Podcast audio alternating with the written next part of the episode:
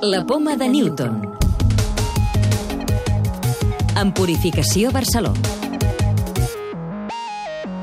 Científics del Laboratori de Desenvolupament Embrionari de l'Institut de Recerca Biomèdica de Barcelona treballen en un projecte per regenerar cèl·lules auditives humanes de forma similar a com ho fan alguns animals. Aquest serà el nostre tema central d'avui, però també us parlarem de dos estudis científics pioners i ens interessarem per les possibilitats de vida en altres planetes.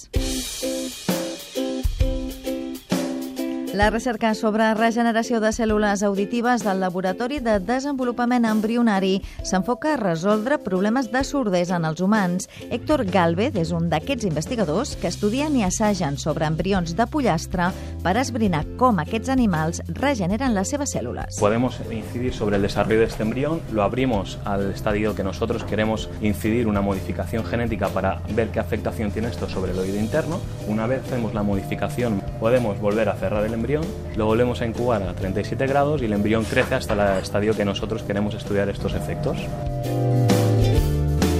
Modificando estos genes podemos hacer que las células se formen tempranamente o se formen tardíamente. ¿Por qué es importante hacer este tipo de investigación? Sabemos que en animales como los pollos, estas células, una vez se dañan, son capaces de volver a ser regeneradas. Nosotros los humanos, esta capacidad de los mamíferos la hemos perdido. El pollo nos permite entender cómo estas células son capaces de regenerar y poder aplicar este conocimiento a la no regeneración que tenemos en los mamíferos. Tot plegat amb l'objectiu de descobrir possibles dianes per corregir disfuncions funcions auditives en humans i fins i tot arribar a regenerar les cèl·lules de l'oïda.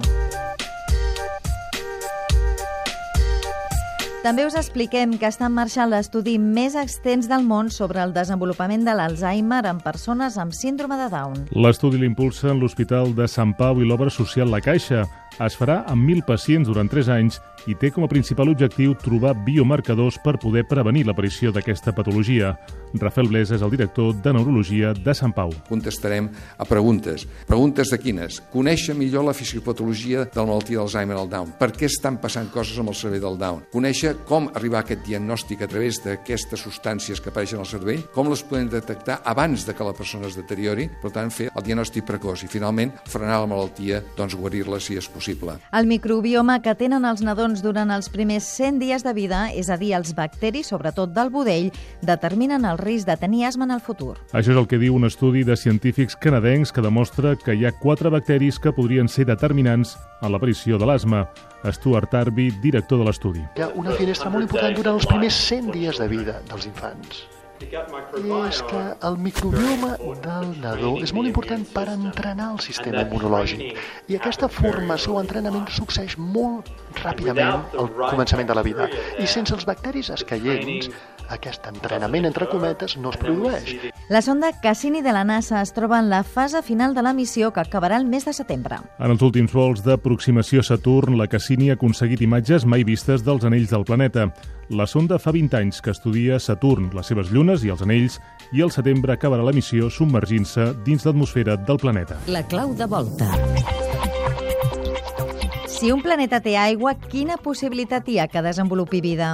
Ignasi Ribas, investigador de l'Institut d'Estudis Especials de Catalunya, CSIC. Sabem que això va passar a la Terra, però no sabem si passa en un cas cada mil, en un cas cada milió, o en un cas cada mil milions, o en un cas cada trilió. I, per tant, no en sabem encara si el fet de passar de planetes habitables a planetes habitats és un salt de gegant o és una cosa relativament fàcil.